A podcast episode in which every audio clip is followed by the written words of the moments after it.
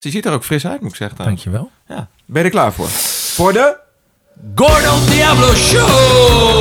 Hey! Aflevering nummer 6 inmiddels. Yes. Ja. Nee, nummer 7. Oh, 7 al. Ja. Oh, het voelt als 8. Blijf vertellen. Hallo Donny. Hallo, hallo. Hoe was je week, jongen? Ik krijg zoveel complimenten over, over deze podcast. ik ook, Het is trouwens. echt super leuk. Maar ook van heel uit om, echt uit onverwachte hoek ook gewoon. Wat was de meest onverwachte hoek? Eh, de snackbar. Snackhoek.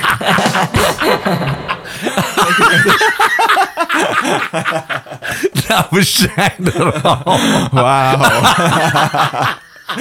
je bent weer on fire. die is wel leuk. Nee, maar luister, jij bent weer begonnen met 5 tegen 5 en je was on fire, zei je deze week. Ik was echt on fire. En dat heeft echt puur te maken met dat je gewoon natuurlijk maanden niks hebt gedaan. En eh nou, maanden, bijna een jaar. Ik heb dus alleen een EEG-programma gedaan, eh 100 jaar jong. Met heel veel eh, hangen en wurgen. Dus ik was gewoon weer blij om studiolampen te voelen op je huid. En de rode lampjes weer aan te zien gaan. Ja, het klinkt alsof alsof ik naar de hoeren ben geweest, maar dat is het niet. Maar gewoon, ja, dat je weer contact hebt met mensen. Dat je gewoon weer je ding kan doen. Ja. Ah, Had je het gevoel dat je, dat je de oude Gordon een beetje kwijt was, stiekem? Nou, nee, dat niet. Maar ik had wel. zo- here. Nou, weet je wat ik wel bijvoorbeeld eh, me afvroeg? Van, wat doe ik nou eigenlijk? Wat, wat kan ik eigenlijk? En eh, Ja. nou ja, ik weet je, ik bedoel, ik ga mezelf niet op de borst slaan, maar ik kan natuurlijk best wel veel dingen die ik heb gedaan in mijn leven. Ik heb bijna alles geprobeerd. En daar gaan we het vandaag ook eigenlijk over hebben. Hè? Het, het ondernemerschap of het zaken doen, want daar ben jij natuurlijk ook heel erg goed in. Of heel erg slecht. Daar gaan we achterkomen in deze Nou, dat lijkt me niet. Nee, nee, nee. nee. Nee, nee, nee, maar waar het mij om ging is dat je dus zeg maar gewoon enorm kan pieken. Dat alles goed gaat. En dat het dus ineens...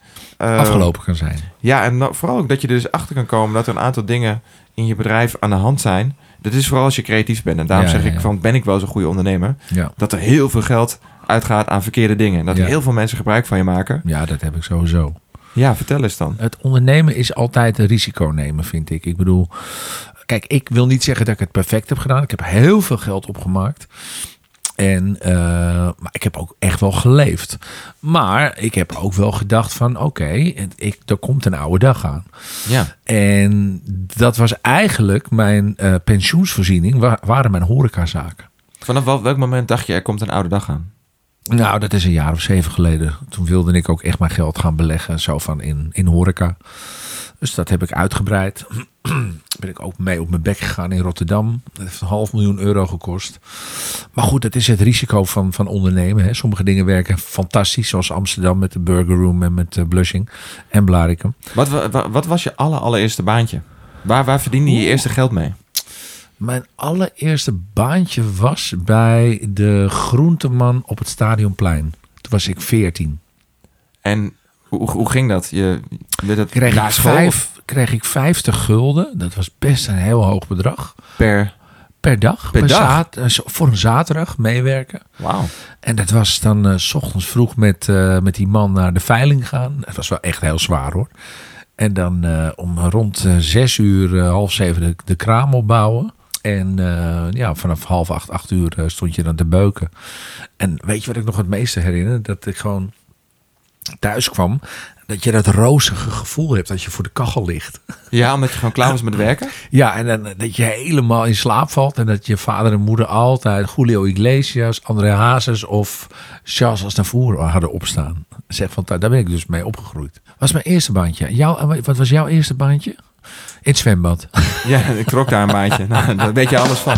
Eh, nee, eh, even kijken hoor. nee, ik... ehm, mijn eerste baantje was glazen wassen. Ja, ik had een combinatie. Ik had twee baantjes. Ik had altijd al een doel. Ik dacht toen ik eh 12, 13 was. Glazen was, hè? Ja, dus maar niet, niet glazen wassen bij de... oh, maar poleren in een kroeg. Nee, nee, nee, nee. Gewoon echt eh, met een ladder op je schouder. Maar dat- voor Ja. een glas? Nee, ja, gewoon ramen wassen. Ramen lappen. Ik dacht Ja. een bierglas. Nee, nee, nee, nee. nee dat is, ik heb dat wel eens geprobeerd. I would suck at that.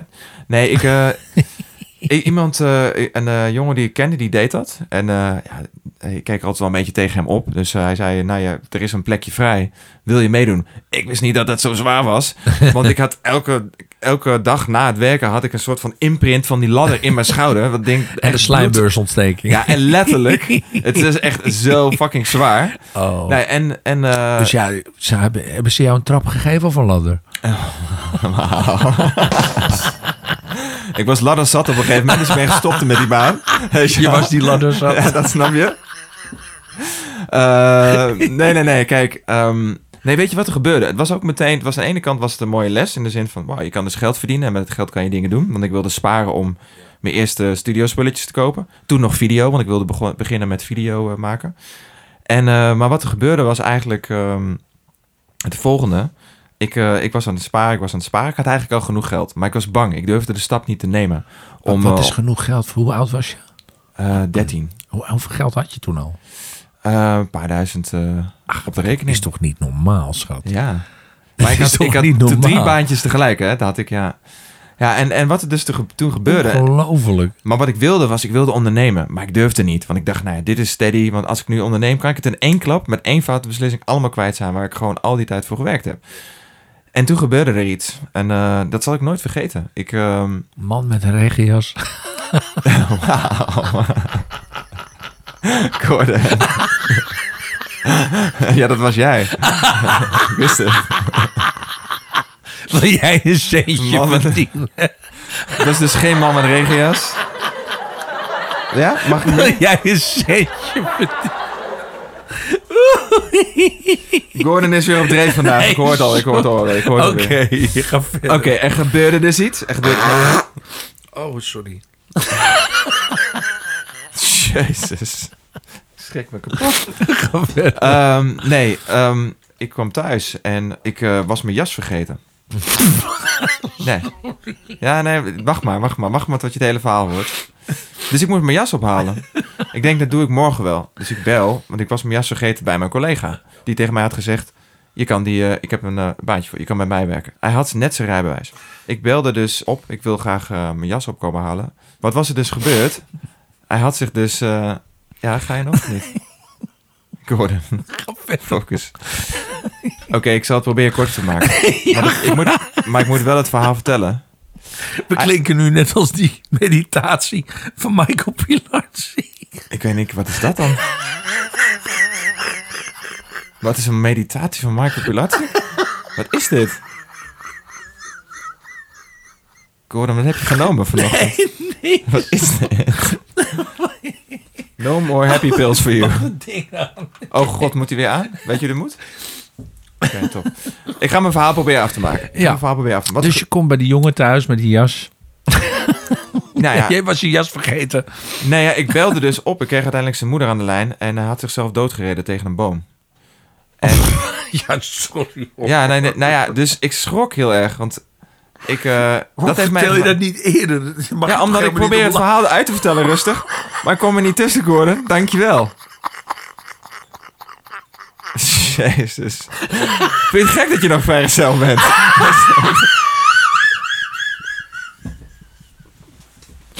Jezus, ik toch niet te leven met deze man? Hoe kan je leven met deze man?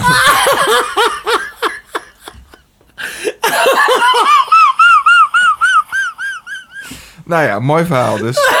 Dat kan je toch niet menen? Wat gebeurt er? Oh joh, ik neem even een slokje water. Neem even een slokje water, neem even een slokje water, Gordon. Hier. Jezus.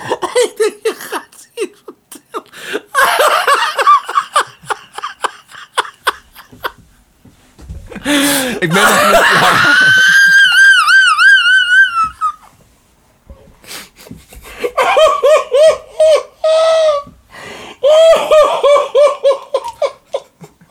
Ja, zo komt die podcast maar vol. Ja, zo gaat hij lekker. Nou, ik hoef niks meer te doen.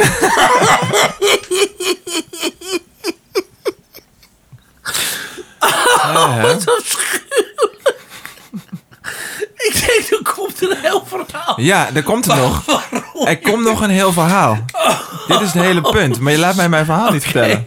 Dit valt toch niet mee te leven met deze man? Jezus.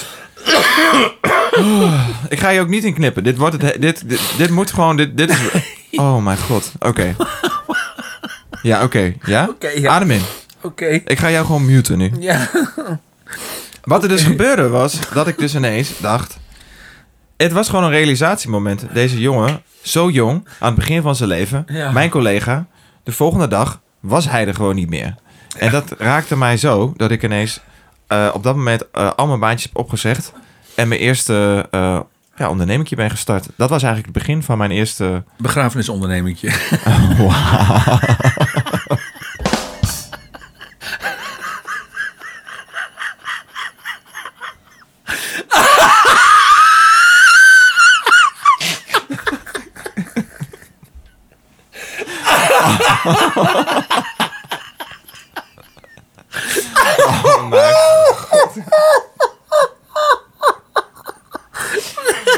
Oh, jezus, hè.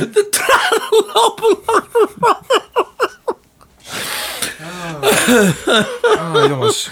Nee, we- geen begrafenisondernemingje. Ik ga Wat gewoon is door. het? Wat is het dan geworden? Nee, ik heb ehm Oh. al mijn geld bij elkaar gelegd. En eh, ik heb voor het eerst een, eh, een feest georganiseerd in, eh, in de lokale discotheek. Omdat Eigenlijk- hij dood was. Nee, gewoon omdat, eh, omdat ik dat altijd wel wilde doen. En ik wist dat er een... Ik, heb, ik keek gewoon naar wat is er niet. Dus dat is altijd hoe ik onderneem, hoe ik begin met ik hoor een focus. Komt ie. Mijn eerste manier van ondernemen was eigenlijk... eh, ehm, ja, wat is er niet? Wat kan ik? Waar liggen mijn talenten? Ik dacht, ik, wil, ik zou heel graag naar een feest willen met bekende DJ's. En dat had je niet bij mij in de buurt. Dus ik... eh, voor de. in Koevoorde, ja. Dus eerst eh, hadden we iets georganiseerd. Dat was heel grappig. Toen had ik het heel groot aangepakt. Toen in die tijd had je nog gabber en hardcore. Dat heb je nog steeds trouwens. Maar dat was toen heel populair. En, ehm, en ik had een feest gemaakt met allemaal echte demon, eh, demons op de voorkant. Volgens mij heette het Terror Quake, weet je wel? Ja, want je, Toen je zat heel erg in die donkere groep. Hoek, toch? Ja, ja, nee, ik was echt, eh, echt zeker gabber hardcore fan. En daar heel veel muziek ook gemaakt in die tijd. Gabber muziek. en eh, ik had een poster gemaakt en dat, dat schrok de gemeente zo af. Ze trokken mijn vergunning in. Toen, eh, want ik deed het samen met een aantal andere jongens, hadden geld bij elkaar gelegd. En dat, eh, die trokken zich eruit. Die zeiden, ja, nou, dan gaan we het ook niet meer doen. Maar ik dacht, shit, we hebben wel een kaart verkocht. We hebben een, eh, ik heb overal die posters opgehangen met gewoon letterlijk nachtenlang dat in mijn eentje gedaan. Ik denk, ik ga gewoon een vervangende locatie zoeken. Niemand wilde dat. Op één man na. En ehm, ja, dat was eh, van een lokale bar. Dat heet het Stupke. En uiteindelijk heb ik het daar kunnen organiseren. Iedereen aangegeven van, hey, ja, toen nog geen Oh, internet. Het gaat, eh, wordt verplaatst. Hoe deed je dat dan? Lokale radio. Ja, die venue was iets groter. Dus ik dacht, ja, zul je zien dat het half leeg blijft... of dat mensen alsnog niet komen. Maar barst uit zijn voegen waarschijnlijk. Ja, ik weet niet, het was de engste avond van mijn leven. Want ik, ik eh, ging open en ik opende zelf met draaien... om geld te besparen. Zo ben ik ook begonnen met draaien. En ehm, op een gegeven moment... eh er was niemand. Mijn moeder, ik had mijn moeder aan de deur gezet. Mijn broer bij de deur. Mijn moeder achter de kassa. Mijn broer bij de deur. Want wie kan je meer met geld vertrouwen dan je moeder? Ja. Zo begon ik met Nou, ondernemen. mijn moeder niet hoor. Nee? Heeft je moeder geld van jou gestolen? Nee. Oh, oké. Dan hebben we dat wel een gokprobleem. Maar goed, dat geldt terzijde. Daar kunnen we later nog over hebben. Ehm, nee, kijk. ehm, nee, wat er gebeurde was echt, echt twee uur of zo. Toen het feest aan de gang was, liep het ineens vol. En ik kan me nog herinneren dat het... Het was het naarste gevoel van mijn, van mijn leven dat het zo leeg was. En het beste gevoel van mijn leven kort daarna toen het vol liep. En toen aan het einde van de avond... ehm, Ik ken dat gevoel. ken je dat gevoel? Aan het einde van de avond kwamen we thuis. Ik had, eh, het was allemaal cash, hè. Dus Ja, ja. ik had gewoon een koffer met cash. En die maakte ik open. En eh, we gooiden dat ze op tafel altijd Heb ik ook allemaal gedaan. Ja, Bij mijn eerste optredens. Ja. Ja. Hoeveel, hoeveel verdiende je met eh, je eerste optreden? Wanneer was je eerste optreden? Och jeetje, dat zou ik echt niet meer weten. Maar ik weet wel dat... Ik, ben, ik heb altijd meer geld gevraagd dan anderen. Al vanaf het eerste optreden? Vanaf het allereerste moment. Ik dacht, ja, je moet jezelf wel exclusief maken. Dat is me ook altijd gelukt. Ik zong ook een heel ander repertoire dan iedereen altijd deed. Ik, ik, ik zong altijd vrouwenliedjes. Dus van Whitney, van Chaka Khan en noem maar alles maar op. Ik weet er voor na kon ik maar even bij zijn. Vroeg ik 1950 gulden. Hoe oud was je toen? Toen was ik 22. En hoeveel optredens deed je toen per jaar? Nou, met kon ik maar even bij zijn, was dat gemiddeld 200 per jaar. Maar ik ging al na een paar maanden naar 2950. Want het was natuurlijk niet aan te slepen. Dat werd al heel gauw 5000 gulden. En binnen no time zat ik op eh 7500. En waar ben je gestrand uiteindelijk? Of is dat gewoon een, zeg maar een De laatste, nou, dat, nu betaal je 14.500. bedrag? Zo, Volgens mij. dat is fijn, want Ja, je kan ja, het gewoon vanuit je huis, toe, vanuit je stoel gewoon, je- letterlijk hier, je hoeft niet eens voor in het vliegtuig. Hmm. En jij, wat vroeg jij toen? Of wat- hoeveel geld had je toen opgehaald die avond? Eh 5000. Ja, dat was voor een jongen van Oh, 13 was ja, dat heel veel. natuurlijk gigantisch veel. Ja, dus ik, ik eh, ging terug naar de eigenaar van die token en ik zeg, wat denk je ervan? Zullen we dit gewoon elke maand doen? En dat gebeurde. En toen op een gegeven moment, eh, ik weet nog, ik, ik denk dat ik 14 was en ik, stond, ik had 100.000 op mijn rekening. Want het werd natuurlijk meer en meer. Toen kocht ik mijn eigen studio spullen. Eerst video, dus ik kocht een greenscreen thuis. En ik had allemaal camera spullen, een videomixer. En, en ik ging dus eh, bedrijfsvideo's maken en videoclipjes voor mensen. Ik weet nog, de allereerste clip die ik maakte was in de, grappig genoeg, in de Cool Down Café voor Oh, DJ Maurice. En eh, Voor Maurice? ja, Oh, ja, grappig. ja, dat zal hij zelf niet meer weten. Ja, dat, dat zal hij zelf niet meer weten, denk ik. Oké, wat grappig. Ehm, en dat ging ik, daar ging ik naar, dat was in Rotterdam, toch? Of Niet? Ja. ik ging naar Rotterdam, ik denk dat ik 14 was. En dan ging Hij ik kwam uit Blijswijk. hij kwam uit Blijswijk. Ja, ja. het, was, het was heel spannend dan. Ik moest, moest een clip maken voor een DJ. En ehm, ja, dat, zo, zo is het eigenlijk gegaan. En van daaruit had ik op een gegeven moment had ik meer geld. En dacht ik, ik ga ook eh, spullen kopen om muziek te maken. Dus ik heb wel echt ehm, ja, mijn geld goed belegd vanaf het begin. Als ik het zo kan zeggen. Maar eh, nee, bij mij begon het... eh, mijn, mijn eerste shows waren ja, gratis. Gewoon echt voor een paar, eh, paar drankjes. En het, was, het idee was van, oh, je kan in de hoek staan... en dan kan je zelf bepalen welke muziek gedraaid wordt. Top. Maar heb jij het idee dat je alles eruit gehaald hebt wat erin zit? Ehm, even helemaal bedoeld weer naar het fast forward naar... Ja. Oké, ja. Nee, nee dat, ik weet zeker dat ik dat niet gedaan heb. Maar dat komt zakelijk gezien niet, nee. Dat komt omdat ik gewoon... Ik ben veel te veel bezig met creatieve dingen. En ik weet... Ik ben z- zo vaak genaaid. Zo vaak. Echt letterlijk. ja, nee, ja, zakelijk dan. Eh, ik wist het, ik wist het. Nee, ik zeg niks. Nee, nee. Deze, deze deed ik zelf. Nee, ehm, nee, ik weet nog in het begin... Maar hoezo was- zo vaak genaaid dan? Want dat hoor je wel eens van andere artiesten en zo. Ik, ik moet heel eerlijk zeggen, ik ben te zakelijk ingesteld om het te laten naaien. Ja, Ik heb dat binnen een, een uur heb ik dat door. Of verkeerde intenties van mensen of wat dan ook. Ik ben er wel eens ingestonken dat ik dacht van hé, dit klopt niet. Dan heb ik het laten sluimeren. ja. Maar ik zie het wel. ja. Ik voel het. Nee, ik ben echt oblivious, want ik ben dan bezig. Ik zit midden niet. Dat, dat herken jij wel van mij, denk ik. Ik kan, kan dan gewoon een soort van op een autistische manier naar een doel Ja. toe werken. En dan wil ik niet in mijn, uit mijn creatieve bubbel gehaald worden. Ja. En dan weet ik dat de dingen niet kloppen. Maar ik, ik wil niet daardoor beïnvloed raken. Wat gebeurde in het begin, ik weet nog, ik bedoel, ik was toen ik 16 was, toen tekende ik al een werkcontract. Ja, dat is echt. eh, ik had letterlijk, eh, ik maakte ook muziek voor andere mensen. De eh, Oh, ghost producer noemde dat in die, in die tijd. En ik zat in. terwijl, het, terwijl jij het was en dan gingen zij een hit scoren met jouw Ja, muziek. Dus ik werkte voor een label 80 Aum in Dordrecht. En ik maakte allerlei soorten muziek. Van, van hip-hop tot chemical beats, had je nog tot gabber, tot trance, hardcore, alles wat je maar kon bedenken. En niet onder mijn eigen naam. En dat kochten ze af op de een of andere manier. Nou, dat, dat, wat, ik had zoiets van, wauw, het wordt uitgebracht. Ik vond het allemaal hartstikke mooi. Op een dag zei mijn moeder, eh, ja Don, eh, moet je niet ook gewoon eh, een keertje een soort van Rechten. overzicht krijgen of rechten? Of hoe zit het eigenlijk? Maar ik dacht, het klinkt nu natuurlijk heel dom. Maar het was een hele andere tijd. Je had niet eens internet. Dus ik, ik, ik dacht, ja, hoe, weet ik veel. Ja, misschien wel. Toen kwam ik er dus achter dat je dus gewoon je muziek moest inschrijven bij de Buma Stemra. Dat je dus copyrights hebt, dat je dus masterrights hebt.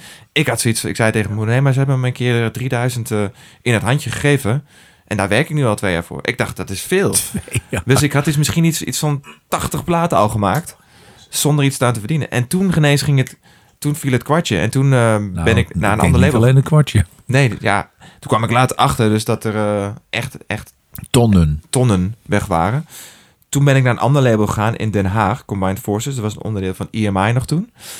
Toen eh, hadden zij, zij kwamen achter mijn verhaal en zij wisten wie ik was. Ze zeiden, oh, nou, dan gaan we projecten voor jouzelf opstarten. Ga je onder je eigen naam muziek maken. Toen is Don Diablo geboren. Het mooie was dus dat zij mij gingen helpen erbij en dat ze exact hetzelfde deden. Ja, hoe kwam je aan Diablo eigenlijk? Ja, voor de luisteraar, de, de- sommige de- mensen denken dat ik Pepijn heet, maar mijn echte naam is Don Pepijn. Mijn vader heeft me vernoemd naar eh, Don van Vliet. Don van Vliet, dat was een Amerikaanse muzikant. Oh, Eh, Captain Beefheart dus. Ehm, ja, Nooit van gehoord. Wat Ja, speelde die dan? eh, hij speelde, hij maakte onder andere muziek met Frank Zappa. Oh, Frank Zappa Ja, wel. en hij, is, eh, hij, hij ging later ook schilderen.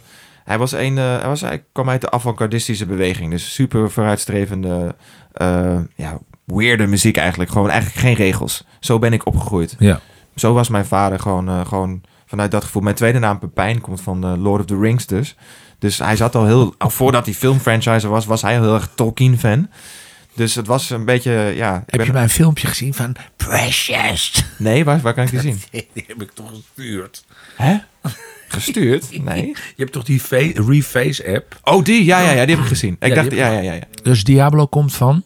Nee, dus daar kwam Don vandaan. Ik dacht, ik, ik wil die ik vasthouden. Mijn vader heeft mij Don genoemd. Hmm. Dus ik, ik wilde dat, ik wilde mijn vader eer aan doen. Dus ik dacht, ik wil een naam hebben waar Don ook in voorkomt. Gordon. Ja, Gordon.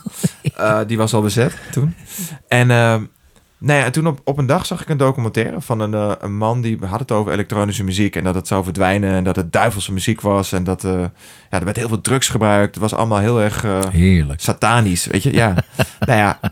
En toen zag ik die documentaire en ik dacht, en toen hadden ze het even, er kwam er een Spaanse vrouw in beeld. Diablo, Diablo. Diablo, Diablo. Toen dacht ik, ja, en ik, ik maak natuurlijk grappenmuziek, weet je. Dus je wil dan gewoon zo, zo, zo, ja, zo badass Ik vind het mogelijk. een hele sterke naam namelijk. Ja, ik dacht wel wat belangrijk, wat ik wilde ook, was een alliteratie. Dus Don Diablo. Ehm, Don is eigenlijk Lucky Luke. Ja. dat onthoud je heel makkelijk. Don Ja. is een soort van meneer, een heer. Ja. Ja. Maar ik dacht, joh, weet je, ik ga toch nooit in een Spaanstalig land optreden. Dus het maakte me geen fuck. Ik dacht, ik woon in Koevoorde. Als ik ooit een keer in Emmen kan optreden, dan heb ik het gemaakt. Ja, toch? Dat ligt er vlakbij. Ja, dat ligt er Bij. vlakbij. Tyfusent. Nou ja, en op een gegeven moment eh, dacht ik, ja, misschien kan ik, haal ik het wel eens naar Zwolle, weet je. En zo ging het door. En zo ging dit, die, werd die lat verlegd. Maar Don Diablo bleef. Maar ik had in die tijd, eh, denk ik, iets van twintig verschillende namen. Op een gegeven moment sloeg ik los. Toen was het... eh, ik had allemaal verschillende biografieën bedacht. Op een gegeven moment had ik een naam, Dave Mitchell. Dat was dan een soort van techno-producer uit Detroit. Die al jaren bezig was. Mijn idee was, als mensen... Mensen hebben een beeldvorming, Ja. toch? Van, als je naar iets luistert of als je naar iets kijkt... dan ben je altijd beïnvloed door Door wat erachter zit of wie erachter zit. En als jij denkt van, ja, dat is een of andere snotdaap uit Koevoorde... dan vind ik deze niet meer cool. Ik heette Gordon Williams, mijn allereerste artiestennaam. Echt waar? Omdat ik, ik dacht, nou ja, ik moet een achternaam hebben. Ja. Ik heet Cornelis Willem. eh Heukerot. Maar roepnaam Gordon. Gordon Williams, dat klinkt wel als een soort van country zanger of zo. ja, daarom. Ja. Net als Andy Williams, weet je wel. ja. Where do I begin to tell the story of how great love can be? Maar hoe, kwam, hoe, weet je, hoe werd het ineens Gordon dan? Nou ja, ik vond Williams eigenlijk gewoon geen toegevoegde waarde. Ik dacht, ja, waarom gewoon niet Gordon? Dat vond iedereen altijd al heel apart. Dat is het ook. Het is ook een hele, hele aparte naam. Je hoort het eigenlijk nooit in Nederland. In Schotland, het is een Schotse naam. Ja, ja, Daar kijk, vaak. is daar ook helemaal Schots en scheef. Nee, maar het is wel grappig, want mensen, sommige mensen... ehm Neuschots. nekschot. Eh, ik zeg niks. Daar gaan we het niet meer over hebben. Nee, Schots. nee kijk, eh, want het is grappig. Sommige mensen vragen, dat geloof je niet. Maar er zijn dus nog mensen in Nederland die niet weten wie jij bent. Dat is heel mooi. Er zijn natuurlijk heel veel mensen die niet weten wie ik ben. Maar er zijn ook mensen die niet weten. En dan zeg ik, "Ja, wat doe je? Ja, ik heb ook een podcast met Gordon. Oh, leuk, Gordon wie? Ja, echt? met, met, met Gordon. Ja, Gordon wie? Gordon Ramsay? Nee, Gordon. Dit is toch hila- Oh. hilarisch? Dus ehm, Nou ja, natuurlijk zijn er mensen die niet weten wat ik ben. Maar in er zijn Nederland 17 miljoen mensen, ja. ja, ja. maar in Nederland lijkt het me sterk. Maar ik denk ook wel eens, ik denk ook wel eens van, zet, doen mensen het dan om, Volgens weet je wel? mij Ja, doen weet je mensen wel. dat erom om Denk gewoon ook, heel ja. erg interessant te doen. Precies. Maar het is wel grappig, want het is, dan ben je wel iconisch. Als je, één, als je een voornaam kan... Dan ben je Madonna, Rihanna... Cher. weet je wel. Dan is het gewoon... Ik heb alleen een voornaam nodig. That's it. Ja, Weet je? dat zeg ik altijd. Uh, sir, um, do you have a last name? En zeg, no, sorry honey, it's just like Sharon Madonna, it's just Gordon. Ja, zover ben ik niet gekomen helaas. Er is wel een Don, wat trouwens in, in Nederland een hele grote YouTuber. Dat is wel grappig. Wat ik wel eens van, ben jij dat dan? Ik zeg, nee. Don wie? Ja, gewoon Don. Hij heeft, dat is een YouTuber. Ehm, mijn neefjes, eh, die, die kijken er wel eens naar. Maar... ehm, Dat is ook een hele nieuwe carrière. Hè? De, de- wat ik, ik ken echt 90% van die mensen ken ik dus allemaal niet. Die YouTubers en vloggers en weet ik veel wat allemaal. ja. Het is dat die Enzo Knol een keertje heb ontmoet. En Monica Geuze en zo. Maar anders had ik echt geen idee gehad wie, de- wie die mensen waren. Want het is een hele ander... Ja, ik weet het niet. Een heel ander tijdperk. Ik, ik, ik weet ook niet of je nog echt van sterren kan spreken van tegenwoordig. Ik bedoel, Jawel, ik maar kijk je- twijfel daaraan. Jij zit in je eigen bubbel. Want jij ik kijkt, jij kijkt, eigen jawel, want jij, jij, gaat, jij doet nog aan televisie en radio. En dit is een nieuwe generatie. Jij kent ze wel allemaal. Tuurlijk, dit zijn de sterren van nu. dit, is, dit is eigenlijk best wel bizar dat zo weinig mensen die YouTube maken, podcasts doen, eigenlijk in de traditionele media te zien zijn. Want Oh. eh, dat, die, zijn, die zijn huge. Maar huge. ik heb nog nooit van die Don gehoord. Ja, maar dat gaat. Het is ook niet. Jij bent niet de doelgroep. Pardon, hij heeft waarschijnlijk ook niet van jou gehoord. Dat zou kunnen, want hij kijkt geen tv. Hij Oh. leest bij wijze van spreken. Hè, heel veel. deze generatie kijkt geen tv. Er gaat een gener- generatie komen die niet meer wil wachten tot Ja, iets ja, op een ja. beeldscherm komt, maar die gewoon boom. Ja. Zoals wij nu gewoon ook op, op een knop drukken en het wij gewoon... nu ook al met Netflix natuurlijk. Daarom, nee, Wat Videoland, goed Netflix. wat een goed businessmodel is dat. Je moet een map... Weet je wat, wat, Ja, wat grappig was? Ik had... Ik denk dat ik een jaar of 19 was. Toen kwam ik met een, eh, een, eh, een vriend, had ik een idee. Eh, je had toen heel veel, je had toen cd's natuurlijk nog. En er waren al wat illegale download, downloadplatformen. Napster, dat ken je misschien nog wel. je? Ja. Ik dacht, fuck it, waarom, waarom gaan we niet gewoon muziek streamen? Weet je? Maar ja, het Dat probleem, idee had je toen al. probleem was, de, ja, dat idee had De ik toen. rechten natuurlijk. Phase 4, de rechten. Dus ik dacht, oké, ik heb dus de rechten nodig. Daar heb ik geld voor nodig. Dus ik heb een plan geschreven. Samen met die vriend hebben we het ingediend bij, de, eh, bij, bij, de, bij de provincie, was het destijds. Toen hebben we dus geld gekregen, meer dan een ton, om dit te gaan realiseren. Dat meen je niet. Dit geloof je haast niet, maar wat het ben dus je was... vakantie geweest ervan en zo. Nee, nee, nee, nee, nee. Wat ik gedaan heb, eh, is ik heb, eh, ik heb inderdaad die alle major labels gecontact. Dus Sony, Warner, Universal. Eh, je had er nog een paar EMI. Had, dat was toen nog allemaal versplinterd. Later is het allemaal samengegaan. hè, Toen Ja, ja, muziekrechten allemaal minder waard werden. Omdat iedereen ging Mhm. streamen en downloaden. En ehm, ja, de platform is er ook gekomen. Want ik, dat heette Phase 4. Want Phase 1 was vinyl. Phase 2 was cassettebandje. Phase 3 was de cd. Phase 4 was wat mij betreft gewoon het streamen van muziek. Maar mensen begrepen dat nog niet. Ja, dat is iets van... Ja, maar hallo, ik heb toch gewoon een cd of eh, Ja. eh, op zijn minst een mp3 die ik gewoon zelf heb. En als je ziet hoe het nu dan is, dat is... Ja. Twintig jaar geleden, Gordon. Was je 20 de voorloper, schat? Ja. Ja, soms, maar soms ben je te vroeg. Later kwam er... Maar dat heb kwam ik ook een- altijd gehad hoor, met dingen. Nee, maar luister dan. Wat er zo verpand aan was, was dat ik altijd dacht, waarom komen platenmaatschappijen hier niet mee? Waarom doen die dit niet? Wat er dus uiteindelijk gebeurde was dat dus dat Apple, hè, gewoon een, een, die hardware maakte, gewoon computer maakte, computers maakte, die, iTunes. die kwam ineens met iTunes. Dat is toch volstrekt zot? Gewoon dat je denkt van, Dat heb ik echt letterlijk verzonnen. ja. Maar ik heb gewoon, eh, ja, ik had niet te geld. Ik bedoel, wat, wat wisten wij? We waren tieners, weet je wel. Maar het is wel grappig qua business dat je soms een goed idee hebt, maar gewoon op het verkeerde moment het Ja. idee hebt. En dat, dat gebeurt vaker. En dat heb jij dus ook gehad. Pioniers. Heb jij dat ook gehad? Nou ja, natuurlijk. Ik bedoel, was, ik denk dat ik een van de eerste was met mijn eigen kledinglijn, met mijn eigen wijn, met mijn eigen sieraden. Dat heb ik allemaal ge- gedaan. En ik bedoel niet dat dat daar nou zo uniek aan was, maar dat ik was wel een van de voorlopers. Die glitterkleding bijvoorbeeld, dat heb ik je al verteld. Dat kwam allemaal van Luther Vandross vandaan. Dat ik was een van de eerste die dat deed. En ja, dat was. eh, Ja, daar hebben we vorige keer over gehad. Maar dat is, Nederlandstalige R&B was Ja. ik met Replay toch echt, echt de allereerste. En eh, dat album is nog steeds eh, zeg maar een soort van holy grail. voor- Classic. een classic voor heel veel van die beginnende. Ik vind het ook zo frappant dat al die jonge artiesten dat kennen. Hè? Ja? Zoals Maan, Embrace en noem maar op. Dat, Tabita, die, die, die zweren bij die muziek. Het was ook echt wel het was Ja. echt een genre classic hoor. En. Maar wat is, de, wat is voor jou dan de... Wat is het beste idee wat je nooit hebt uitgevoerd? ja, dat, dat is een goeie. Het beste idee wat ik nooit heb uitgevoerd. Nou, dat zal ik je vertellen. Ik heb echt een waanzinnig filmconcept bedacht. Vind ik zelf. En dat was eigenlijk gebaseerd op eh, Pim Fortuyn. Oh. En dat was, en dat heette eh, First a Lady. En ik was vroeger helemaal gek van die film Mrs. Doubtfire. Oh ja, En met Robin Williams. Met Ro- Robin Williams en Tootsie met Dustin Hoffman. Ja, ja, ja. ja. Toen dacht ik, hoe leuk zou het dan niet zijn als ik een hoofdrol zou krijgen in, een, in, in mijn eigen film. Eh The First, eh, First Lady heet, eh, heet dat script.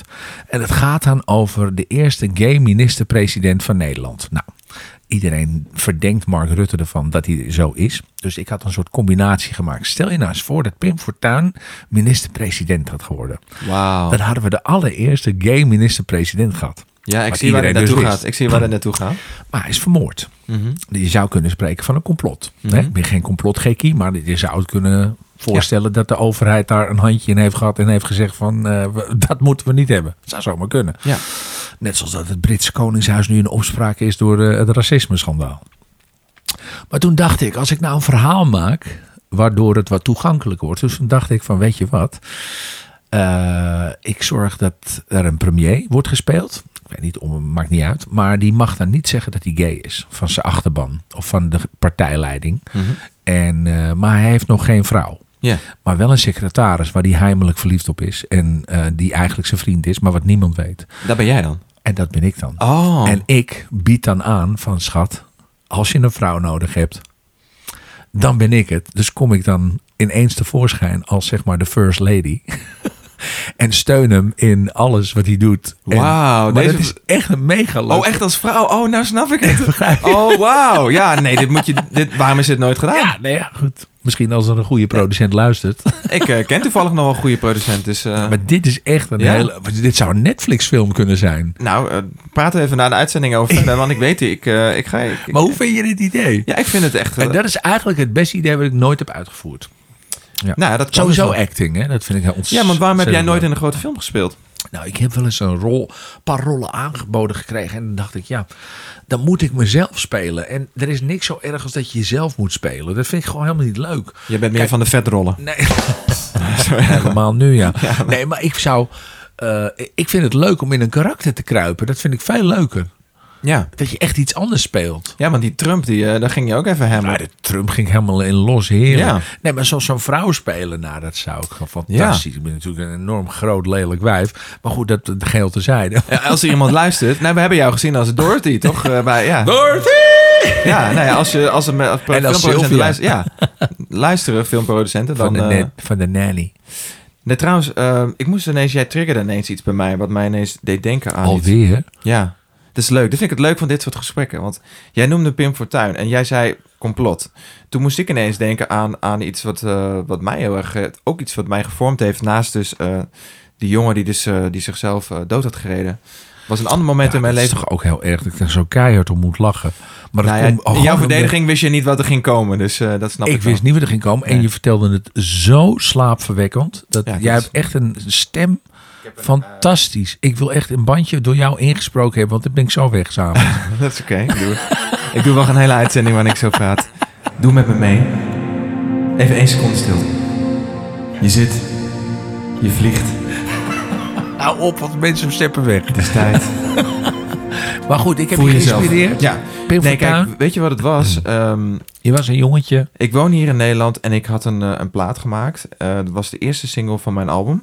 Ehm, die ik getekend had bij Universal. Was trouwens ook een mooi verhaal, want ik kwam bij Universal hier in Nederland. En ik had denk ik vier jaar gewerkt. Dit was mijn eerste album, mijn debuut. en ik, werd, ik mocht op het kantoor komen. En de eerste wat diegene daar zei, ik zal het nooit vergeten, was... Ja, ehm, Don Diablo. Ja, ja, ja, ja, ik hoop dat je niet verwacht dat we heel veel tijd en energie in je album gaan steken. Want ja, jij gaat hier niet rekening betalen, zoals een Marco Borsato. Ik zeg, oh, oh. Ik, ik, ik, ik, zat, oh, ik had nog niks gezegd. En eh, oké, ik heb, daarna ben ik ook nooit meer op het kantoor geweest. Maar wat er dus gebeurde was, ik ben toen gewoon mijn eigen plan gaan trekken. Ben ik altijd gaan doen. Eigenlijk Ja. los van management, los van platenlabels. Gewoon, je moet je eigen shit doen. Ja. Met je eigen ideeën komen, je Ja. eigen carrière bouwen. Dus geen platenmaatschappij, geen eh, eh, manager die dat voor jou gaat doen. Dus ik alles- dacht- dat heb ik dus ook nu gedaan. Hè, met mijn eigen label, mijn eigen, eigen shit. Mag verder. Nee, ik dacht, eh, ik wil dan een clip. En ik wil, ik wil mijn eerste clip laten regisseren door Theo van Gogh. En eh, die had ook net een film gemaakt natuurlijk over Pim Fortuyn. En dat was, eh, ja, dat was allemaal dat was heel smaakmakend. Ja, ja, ja. En, eh, maar ik dacht, hoe, hoe tof is het als, als hij gewoon de eerste echte videoclip zou gaan maken. En ehm, ja, dus ik heb hem Dat benaderd. niet als geen ander namelijk. Ja, nee, hij had er nooit echt, hij had iets gedaan voor Marco Bassato, maar dat was geen, dat was iets voor een DVD, maar hij had nooit echt een videoclip gemaakt. En toen, ehm, ja, ik heb gewoon gevraagd en ik, ik- hij nodigde mij uit en we hadden een gesprek. En dat was zo bijzonder, want ehm, ja, buiten dat hij natuurlijk een enorme, enorme bekend stond als een railschopper en iemand met een eigen mening, Ja. was het iemand die wij in die tijd gewoon, het was gewoon een mooi mens. ja. Ehm, die ook altijd zei waar het op stond. Ik bedoel, wat dat betreft kan je je met hem vereenzelvigen. Nou, hij is een keer bij me thuis geweest. Oké. Superleuk voor een interview ook. Nou ja, dan weet je het zelf. En Ja. ik, hij, Ik vond hij het wel altijd een beetje viezig, maar dat was zijn imago ook Ja. een beetje. Dat, eh had dat gewoon- smotsige. Precies. En, en eh, nou ja, hij, hij- hij wist helemaal niet wie ik was. Ik was totaal onbekend. Hij Totaal. no- totaal. hij, hij nodigde mij uit en hij zegt, nou, hij zag iets. Hij zegt, joh, ja, eh, letterlijk jongetje, hè, wat je, wat je ook. Jongetje! Jongetje.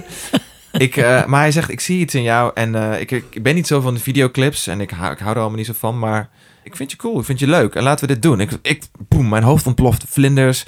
Hij gaf me een paar dvd's mee, een paar boeken. Hij zegt, ga dit even luisteren, ga dit kijken. Hij had een idee voor een... eh, Nooit achter jou gezocht weer. ja, een soort van zombieclip zou hij gaan maken met zijn muzes. Eh, ik weet even niet meer wie. Katja Schuurman. Onder andere Katja, inderdaad. Zei ik, ga Katja vragen. Nou, heel bijzonder. En ik, eh, toen zei hij, ik ga nog even naar Amerika, want ik had een film verkocht. er ging onder andere Steve Buscemi ging daarin spelen. En ja, het was een Oh. interview en nog een andere film. En hij zou dus een doorbraak gaan maken in Hollywood. Dus ik dacht, oké, vet. Nou, nog vetter. Ik was helemaal onder de indruk van die man. Het raakte me echt. We hadden dus ook een paar gesprekken gehad waarbij hij ook zei van, weet je... Je moet, eh, je moet je eigen pad volgen, ook op wat betreft creativiteit, zakelijkheid. En als we geen geld hebben... En ik zei van, ja, mijn label wil me niet zoveel geld geven voor die clip. Zegt hij, fuck it, leg ik gewoon van mijn eigen geld in. Ik vond dat zo mooi, ik vond dat zo bijzonder. van. Ik kende hem helemaal niet zo goed. Toen eh, ben ik dus zijn films allemaal gaan kijken op rij, wat, boeken gaan lezen. En toen op een dag werd ik wakker, letterlijk met een stapel, stapel dvd's naast mijn hoofd. Toen zet ik mijn telefoon aan mijn, en mijn, eh, ja, mijn voicemailbox zat vol. En alleen maar Toen berichten. Ja, en nee, en toen ehm, opende ik mijn ramen en ik keek naar buiten. Ik zeg alleen maar politie. Politie, cameramensen. Toen zet ik de tv aan, ik luisterde mijn berichten aan, af. En toen bleek dus dat Theo dus vermoord was voor mijn deur. Ik kon het gewoon zien vanuit mijn huis. En ik had, ik heb gehuild. hier? Het is hier om de hoek. Ja. Ja. Oh mijn god. En eh, ja, ik, ik, en ik zat helemaal daarin natuurlijk. Ik was helemaal... eh, en het Terwijl je net met hem een soort van afgesproken had dat je- om met hem te gaan werken. En, oh, ja, wauw. het was wel bekend ook al. Dus je had heel veel pers. eh, MTV stond voor mijn deur. En ik weet nog dat ik een soort van roes een paar dingetjes gezegd heb. Maar ik heb toen op dat moment... Het was een album waar ik vier jaar aan gewerkt heb. Dat zou de eerste single zijn, de eerste clip. Ik heb in die nacht huilend gewoon met tranen in mijn ogen... een clip voor hem gemaakt met archiefbeelden van hem... als een soort van eerbetoon aan Theo. Ik heb die single eigenlijk nooit meer uitgebracht. Ik heb dit album eigenlijk nooit meer gepromoot. Ik heb alles door het play getrokken. En ik ben toen twee jaar lang... heb ik eigenlijk bijna geen muziek gemaakt. Dat heeft me heel erg geraakt. Echt? Ja, Wauw. ja, Nou, ik moet ook zeggen dat dat wel een gebeurtenis was die ook mijn leven heel erg heeft beïnvloed. ja. Omdat, ehm, nou, ten eerste is, was dat natuurlijk een aanval op onze democratie van hier tot Tokio. En waar Twee we- politieke moorden. Weet je wat zo verbrand was? Dat hij dus een film had gemaakt over Pim Fortuyn. Ja, het was en dat hij dan zelf wordt vermoord. Dit is twee politieke moorden achter elkaar. Maar vertel, in, hoe- in welke Nou, zin veranderde dat? Omdat ik eh, een week na de moord op Theo Gogh bij eh Carlo Nirene zat eh, in Live for You. Om even aan te geven ook dat ik al dus best wel lang met hate speech en hè, waar ik dus nu in actie voor al? gekomen ben.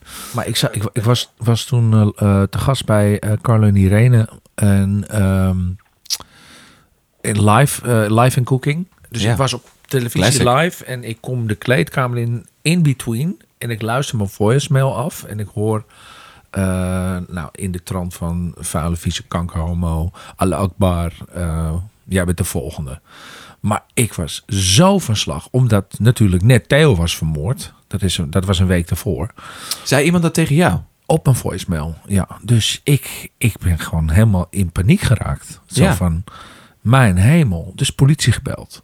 En die is naar het Mediapark gekomen. En die hebben ehm, alles veiliggesteld. Die hebben mijn auto meegenomen om te kijken of er geen bom onder geplaatst was. Ik ben meegenomen. Ik heb beveiliging gehad van de DKDB. Dat is de Dienst Koninklijk Huisbeveiliging. Die John van Heuvel dus nu ook hebben. En, eh, en, en Geert Wilders. Ja.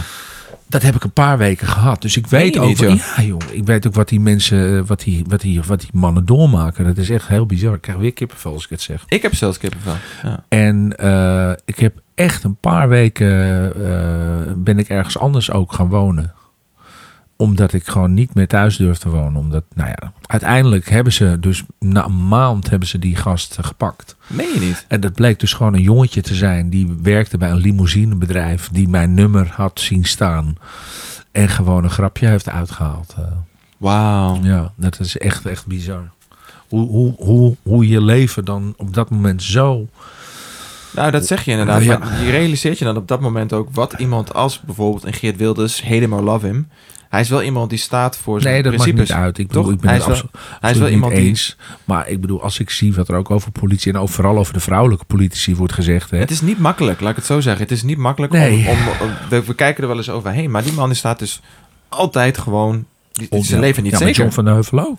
Ja, die mensen zijn hun leven niet zeker. Ja, ja. Ze doen Peter dat... R. de Vries doet het trouwens zonder. En dat vind ik best knap en ook eng eigenlijk aan de ene kant. Maar eh, waar ik een punt van wil maken is dat uh, het OM gaat deze week trouwens bepalen of ze gaan vervolgen. Hè, en ik hoop dat ze dat snel doen. Want dat zou wel echt de, de cirkel rondmaken voor mij. Omdat ik dan ook echt een soort van bevestiging krijg van oké, dit kan niet. Dit mag Ja. niet wat je doet. Hier moet je, hè, je mag niet discrimineren. Je mag geen doodsbedreiging doen. Dat is strafbaar en dat er dan ook eh, zeg maar, voorbeeld wordt gesteld.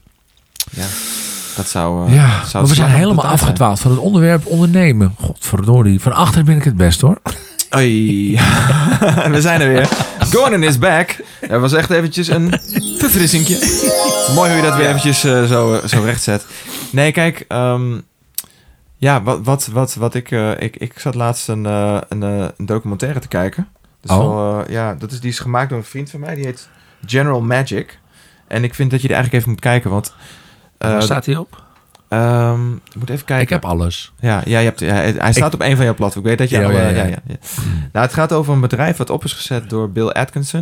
En dat was een bedrijf wat eigenlijk... ehm, Van de bakpoeder toch? van de bakpoeder? Oh, dat is Boukje. Oh, Wauw. Oké dan. Nee, nee, ik nee. was in de war met Dr. Atkins. Nee, het was een soort van eh, eh, bedrijf in Silicon Valley... wat eigenlijk...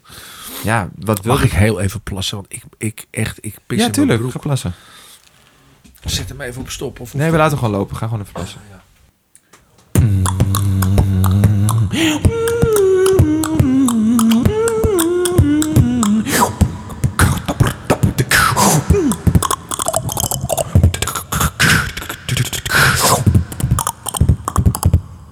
Oké, ik pik hem wel even op. Ja.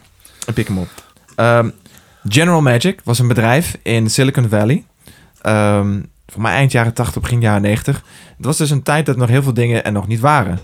En zij dachten, we gaan een soort van mobiele telefoon maken. Maar moet je me dus voorstellen dat het dus nog niet was. En ehm, dat je dus iets probeert. Uiteindelijk is dat allemaal mislukt. Maar het mooie is dus dat het bedrijf was een beetje soort van voortgekomen uit Apple. Er zaten dus allemaal, ja, een soort van genius people in daar. En er was één guy die, eh, die had een idee van dat je hebt dus internet. Eh, Oké, wat kunnen we met internet? Hij zei, ik ga iets verkopen op internet. Hoezo ga je het verkopen? Alsof iemand het gaat kopen op internet. Die verkocht dus één ding op internet. Later is daar eBay uit voortgekomen. Dus er zijn allemaal mensen die in dat bedrijf zaten. Het hele bedrijf is geflopt, General Magic. Maar er zijn dus allemaal dingen uit ontstaan die nu onze hele wereld heeft veranderd. Dus gewoon van de, de, de iPhone, draagbare touchscreens, e-commerce, streaming tv, al Uit die dat dingen bedrijf. zijn En toen... waarom is dat mislukt dan? Precies. Ja, omdat het product wat ze maakten in binnen dat bedrijf, dat was, eh, dat lukte niet. Oké. Ze kregen het niet voor. Moet je ook voorstellen dat je iets moet maken, een draagbare computer. Dat is, bedoel, een computer was in het begin heb je de allereerste computer, die was zo groot als een kamer. Ja. Gewoon een kamer, gewoon weet je wel. Dan, en dan kon je erop drukken en dan was het. Dan gebeurde er iets. Eén ding. Dat was een. Later wilden we. Nu hebben we dat gewoon in onze zak, in onze binnenzak. We hebben een telefoon waar we gewoon alles mee kunnen. Maar in die tijd, dat was gewoon een gewoon een soort van televisie met een. Nou, het was echt bizar hoe die mensen dan probeerden een kleine touchscreen te maken. Al die dingen die wij nu normaal vinden. Maar het mooie is dus dat je dus ziet dat er dus genieën zijn geweest die dus ideeën hadden. Maar soms is de tijd gewoon niet goed voor. Denk jij dat we ons steeds meer gaan doorontwikkelen totdat wij zelf zeg maar een soort van andere planeten gaan bezoeken met vliegende schotels en, en noem alles maar op? Want dat denk ik dus ook. Ja, je hebt nou toch ook een of andere biljonair die dus gewoon aanbiedt. eh, hij gaat een reis maken naar de maan. Ja, ja, ja. Le- Ja. ja. Lieke heeft zich aangemeld met de zusje. Ja, Lieke, Lik, Likke eh, van Lexmond.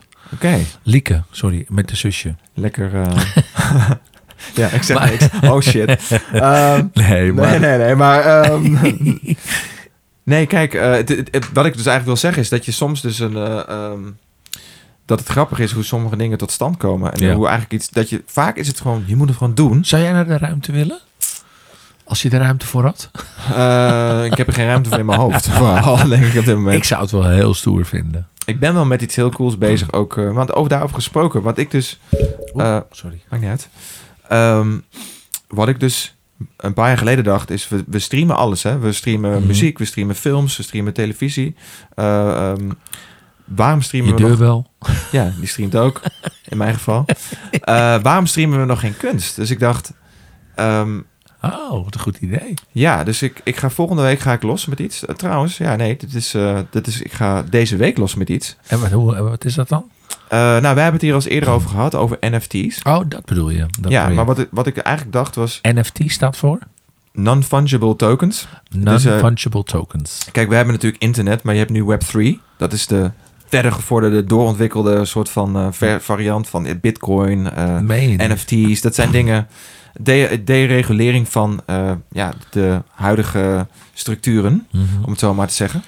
Ik bedoel, ja, laten we zo zeggen, als jij eh, een paar jaar geleden een bitcoin had gekocht voor een paar dollar, was je nu heel blij geweest. Ja, Want jezus. hè, op zijn hoogtepunt stond hij rond de wat 50.000 dollar. 43.000 dollar. Ja, dus dan als je, ik heb vrienden die dat gedaan hebben. Die hebben dus gewoon, eh, nu zijn nu multimiljonair. Dus die hebben gewoon ooit 1000 dollar belegd en zijn nu multimiljonair. Dus Ongelooflijk.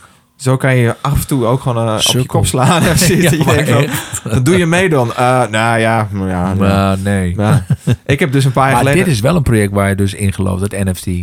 Ja, nou kijk, ben hier dus... Moet je daar dan inkopen of hoe werkt dat? Nee, het is heel grappig. Want wat een NFT dus is, je koopt dus eigenlijk eh, kunst op de blockchain. Het kan kunst, kan dus iets zijn Maar dat dus wat niet is de tastbaar is. Wat is de blockchain?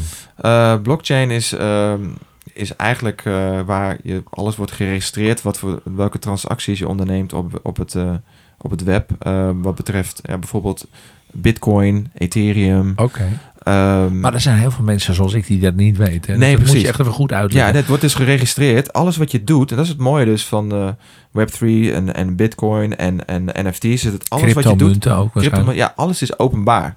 Dus elke transactie die er gemaakt is, alles wat iedereen kan je, kan je zien. Je kan gewoon, ik kan jouw code nu invoeren, kan ik precies zien wat je allemaal doet.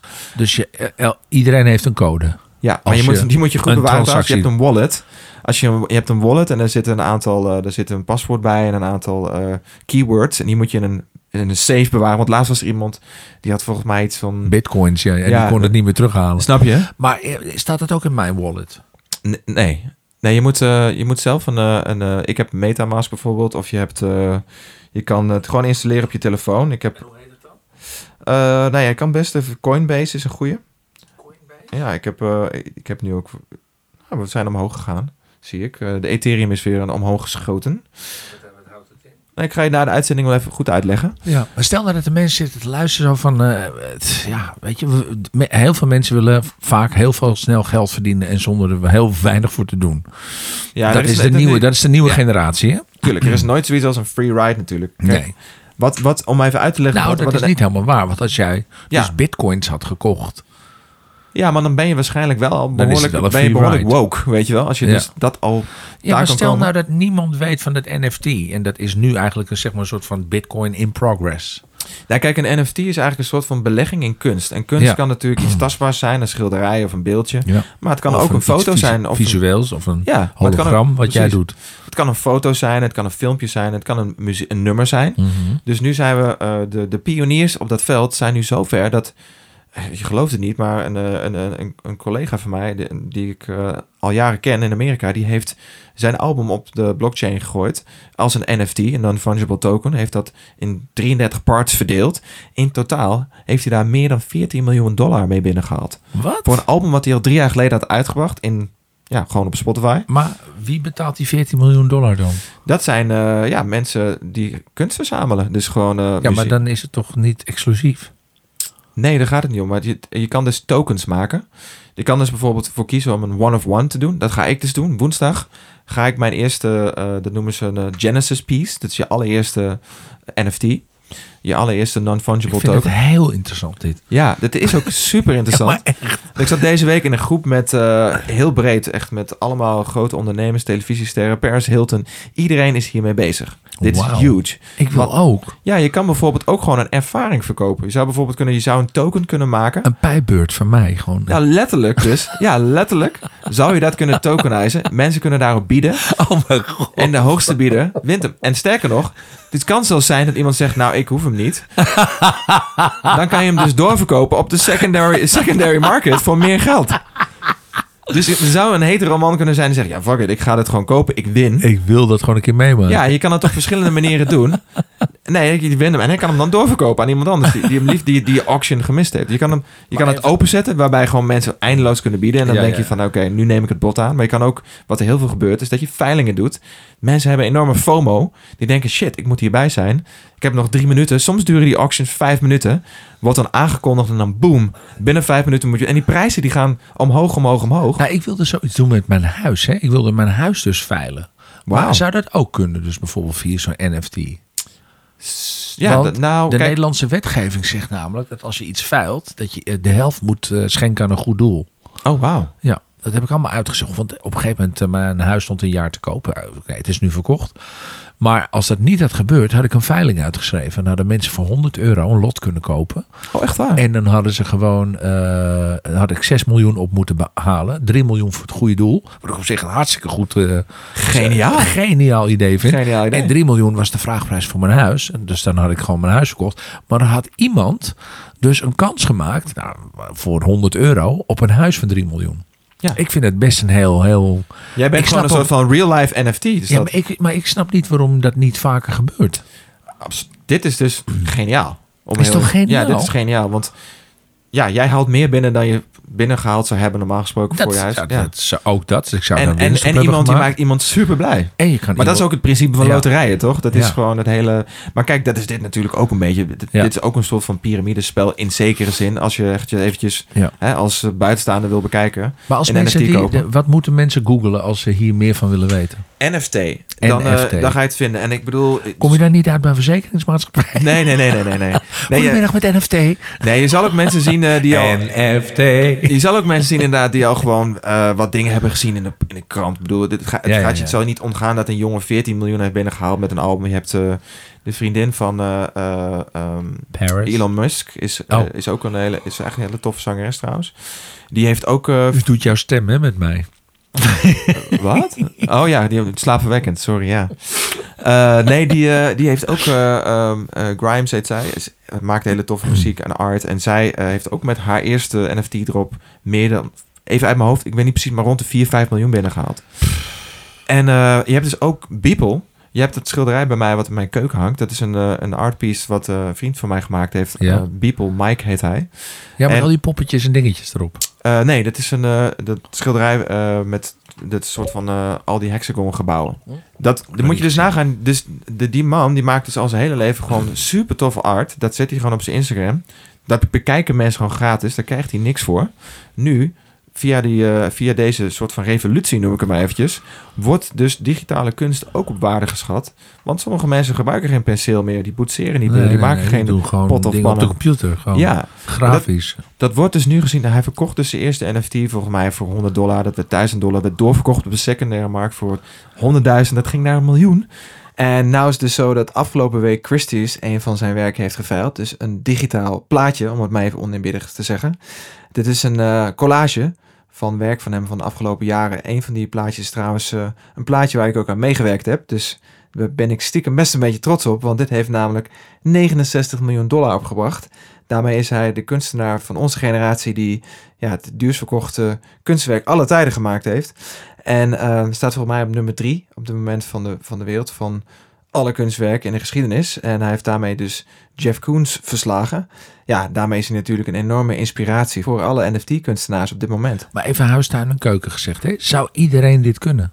Ja, ja, Iedereen Ja, wat- zou dit kunnen doen. Ja, wat Mits hij iets heeft ja. Kijk, wat ik nu... wat je zeg maar u, u- een, een, wat een unique selling point Je heeft. ziet ook dat, maar ik word hier helemaal enthousiast van, hè? Ja, niet te geloven. Ik ben eindelijk een keer een beetje vuur. Nee, nee, nee. Maar kijk, weet je wat het is? Het is een revolutie, Gordon. Het is echt, het is echt serieus. Ik ben, ik ben daar elke dag...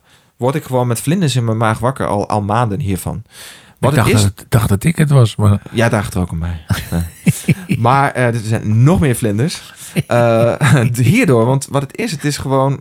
Kijk, het, het vindt nu plaats op de blockchain. En, dat, en, en NFT's, het klinkt vaag. Mensen denken... hm, maar er is ook een, vindt ook een soort van verandering van gedachten plaats. In de zin van mensen gaan waarde hechten aan andere dingen. Dat betekent dus... Mensen kopen eh, dingen, betalen nu geld voor dingen die ze eigenlijk vroeger gewoon als gratis zagen. Ik bedoel, ga maar na. In het begin toen je muziek maakte, verkocht je veel cd's. En was Ja, ja, geld, ja. muziek was echt iets waard. Nu gaan mensen Ja, Ja. hoezo? Het is toch hangt gratis? Het is gewoon gratis. Het hangt in de lucht. weet Ja, je. ja, ja. Maar nu is het dus weer, het keert dus om. En het mooie is dus, je kan het dus doen zonder tussenmenging van grote platenmaatschappijen. Grote, je geen rechten af je hoeft niet meer op de radio, je hoeft niet het gezeik van mijn liedje op de radio. Je kan rechtstreeks je fans bereiken en jouw fans bepalen wat jij ervoor krijgt. Maar dat kan dus ook uiteindelijk gewoon buiten die hele blockchain. Zal ik dat met mijn nieuwe plaat gaan doen dan? Ja, dat is serieus. Luister, er zijn zoveel. Mijn hoofd ontploft van de Want ik mogelijkheden. zei van de weg, ik zei eerlijk vertellen, ik heb een nieuw nummer opgenomen. Dat heb ik je laten horen. Dat heet Terug op Vasteland. Wat overigens helemaal in de tekens dan staat. Omdat ik een nieuwe plek heb gevonden. Eigenlijk in mijn geboorte, wa- waar mijn geboortegrond is. In Amsterdam-Noord. Terug op vasteland. Ik dacht, ja, prachtig. Maar toen dacht Goeie ik, ja, timing. maar dan ga ik het weer uitbrengen. De radio's die draaien het niet. Altijd gezeik en commentaar. Terwijl mijn fans het ontzettend leuk vinden en mooi vinden om te horen. Althans, daar ga ik vanuit, dat denk ik wel. Maar dan dacht ik, ja, er moet toch een andere manier zijn om dit dan gewoon aan de man te brengen dan. Ja, maar daar moeten we even over hebben. Kijk, het, is, het gaat ook een beetje om je doelgroep. Hè? Want ik heb. eh, je moet wel mensen hebben die soort van Web3 savvy zijn. Dus je moet, je moet wel hier vanaf weten. Nou, dat heb ik niet. Ik heb meestal Nee. met een pittig, pittig rood eh, kapsel uit Koevoorde. Die nee, maar kijk. En dan is het belangrijk dat je, dat je dus het gedachtegoed vasthoudt. Dat je dus anders denkt. Precies wat je net omschreef van je huis. We leven in 2021. Hè? Ik bedoel, wat? Space Ja. Odyssey 2001 was al 20 jaar geleden. We moeten, moeten nieuw, moeten heel anders denken over dingen. Precies wat je zegt. Als je vastzit in een patroon en je denkt... Ja, dit gebeurt er weer niet, dat gebeurt er weer Ja. niet. Dan moet je dat hele patroon niet meer opzoeken. Doorbreken. Nee, ik heb er helemaal geen zin meer in. Nee, maar dat heb ik dus ook. Dat, dat je moet leuren omdat je, omdat je alsjeblieft je plaatje gedraaid wil hebben. Zo van fuck jullie gewoon echt. Snap je? Dat- geen zin meer in jullie. Luister, maar mijn muziek is hier ook nog nooit in Nederland op de radio gedraaid. Dus mijn ja. idee was heel simpel. Ik ga naar het buitenland, want dan... Soms ben je de juiste man op de verkeerde plek. Dat kan ook, hè. Dus ik weet dat er heel veel mensen luisteren die Nou, dat denken... ben ik dan al 30 jaar. Nee, dat is niet waar, want jij hebt gewoon hier hits gehad. Je bent succesvol, je bent Ja, op tv ja. en Nederland houdt van jou. ook helemaal niet klagen. schat. Nee, maar het is wel zo dat als je nu luistert, dat je soms is het zo dat je jezelf waardeloos voelt, of dat je een kut idee hebt, of dat het niet werkt. Maar soms ben je gewoon op de verkeerde plek, letterlijk. Dat zo simpel kan het soms zijn. Soms kan het de verkeerde tijd zijn, soms kan het de verkeerde plek zijn, maar je idee is gewoon eigenlijk- goed. Voer het uit, probeer het gewoon, echt. Ja. Echt, dat, Ik zou het gewoon ook gratis willen geven zonder dat mensen daarvoor hoeven te betalen. dat is wel mooi, want dat had je vroeger dus. Free download, daar had ik Ja. een gesprek over met, met, met, met, eh, met mijn management een Ja, paar, it, waarom paar maanden niet? geleden. Zeiden, want het was een nummer wat ik niet, eh, wat werd niet gekleerd. Er zat een sample in van eh, No Diggity. No diggity. No. No En- digidee. No DigiD voor jou dan in jouw geval. Wow, scherp. Wow, die, die heb je verdiend. Damn. Ja, nee, nee, dit is echt... eh, Oké. Nee, nee, kijk. Eh, maar het mooie, het mooie was dus... ehm, dat ze dus zeiden, doe het dan als een free download. Ik dacht, free download? Maar onze hele maatschappij... Dat, vroeger deed je dat gewoon, want dan gaf je het weg aan je fans. Ja, maar dat wil ik ook. Ja, maar dat kan helemaal niet meer, want mensen hebben niet meer een platform daarvoor. Vroeger luisterden je nog mp3's. Mensen, mensen willen geen muziek meer bezitten. Ze streamen alles. Ja, maar, Dus hoe ga je dat luisteren? Iedereen luistert op Spotify, Apple Music. ja, maar daar moet je voor Amazon. betalen. Ja, sommige mensen hebben zelfs de gratis subscription. Die fucken gewoon eh, reclame. Ja, Ze zeggen, ja, ja, ja. we hadden maar af en toe reclame tussendoor. Maar, maar waar ga je het neerzetten? Je hebt niet, niet eens een desk. Ga je het op je desktop zetten en op mp3 klikken en dan zo achterover hangen. Nee. En dan één keer in de week. En dan, je kan het niet eens op je telefoon luisteren. Wat ga je het in Dropbox zetten en mensen een. Dropbox link geven? Jij weet niet eens hoe dat werkt. Ik Stuur je elke week die geen idee. filmpjes. Ik zeg, Gordon, die kutkwaliteit in je stories of in je timeline. Je moet het downloaden, want WhatsApp decimeert die kwaliteit met fucking factor 140.000. Ah, is dat echt zo? Ja, man, dit is gewoon dramatisch. Ik zie het echt gewoon eh, pixel eh, level 1400 hier gewoon als ik voorbij je gaan. pixels zie, dan... eh, Dan is het, eh, dan weet je hoe laat het is. Maar goed, daarop, daarop dus, dat ik dus dacht, ik dacht van fuck it, je kan dus gewoon, ehm, mensen zijn er nu aan gewend. Je kan muziek streamen, je kan film streamen. Waarom niet art streamen? Een kast bij je thuis, die je neerzet, ja. Sluit je aan op je wifi. Boom, je gaat gewoon naar een website, je klikt gewoon verschillende dingen aan. Wat je leuk vindt. Ja, toffe art pieces. Het kunnen ook gewoon zelfs en die traditionele komen art dan pieces. gewoon... Die komen gewoon als hologrammen. Want Die voelen gewoon tastbaar. Die komen dan als hologrammen. Net als, als, als een film op je tv. Ik wil in Boom. mijn nieuwe huis wil ik zo'n ding. Ja. Oké, maar dan ga dat ik ervoor zorgen dat... echt geweldig. Dan, eh, wat mijn idee ook is om het uiteindelijk onafhankelijk te maken van een NFT. Dus je kan het ook gewoon kopen met je creditcard bij wijze van spreken. En dat is het mooie ervan. Alles wat er nu gebeurt, kan je, Je kan natuurlijk het ook cadeau geven, hè? Ja, tuurlijk. Nee, maar ik En dan maken we er een spotje van. Nee, maar ik bedoel in het algemeen. eh, in, in het algemeen bedoel ik dus dat, je, dat het niet per se hoeft met bitcoin, zeg maar. Dus Nee, eh, nee, dat nee, je het ook gewoon kan kopen met je creditcard. Ja, Dat- ja. Iedereen is daar nu al aan gewend. Dat vonden we vroeger ook eng, hè? Ja. Weet je nog, toen internetbankieren kwam, dat je dacht, fuck this shit, ik ga die shit niet op het internet doen. Ik ga naar de, ik ga, je ging nog naar dat lok. Jij ging ook Naar de ING. Jij ging, jij ging standaard naar de ING. Wauw, die was heel scherp. Maar jij ging in het begin, toen dat kwam... De ging jij- KBN AMRO. Wauw. Oké. Maar ging jij in het begin ook stiekem gewoon eerst nog wel echt naar de bank? Dat je, Ja, tuurlijk. Niet iedereen Vroeger. ging meteen Nee, internet nee, bankieren, nee, toch? nee, fuck die shit, ik ga niet internet bankieren. Oh, Dat je kan- al die overzichten thuis. Dat is een waste of Ja, paper. oh, dat echt, ja. Dat je die, die brieven met... ja. uitgedaan. Wauw. Daar heb ik echt ook nog lang aan Ja. vastgehouden. Want ik had zoiets van, ja, wat nou als het internet klapt? Ja. Weet je? Ik heb wel eens een keertje geprobeerd om uit te geven wat ik eh, per maand op een creditcard uitgeef. En toen ben ik zo van geschrokken dat ik gewoon ben doorgegaan. nee, maar je schrik je de kleren als je dus cash uitgeeft. Ja. En je ziet wat je neerlegt. Dat je denkt, nou, dat is echt schandalig. Had jij vroeger veel cash in je portemonnee? Ja, En nu cash is king. Nee, bijna nooit meer. nee. Stom, hè? Jij was je ook die guy Nee. die zei, ik heb altijd cash bij me. En dan heb je- Altijd. hou je nog een tijdje nooit vol? meer. Nee. Nee, en dat, dat, dat, Ja, bedoel, dat geeft al 100 euro aan. of zo, 200 euro. Maar dat is wat ik zeg. Dat nu denk je nog NFT, blockchain, whatever. Ja, maar, Maar- straks maar is toen- dat dus... Precies.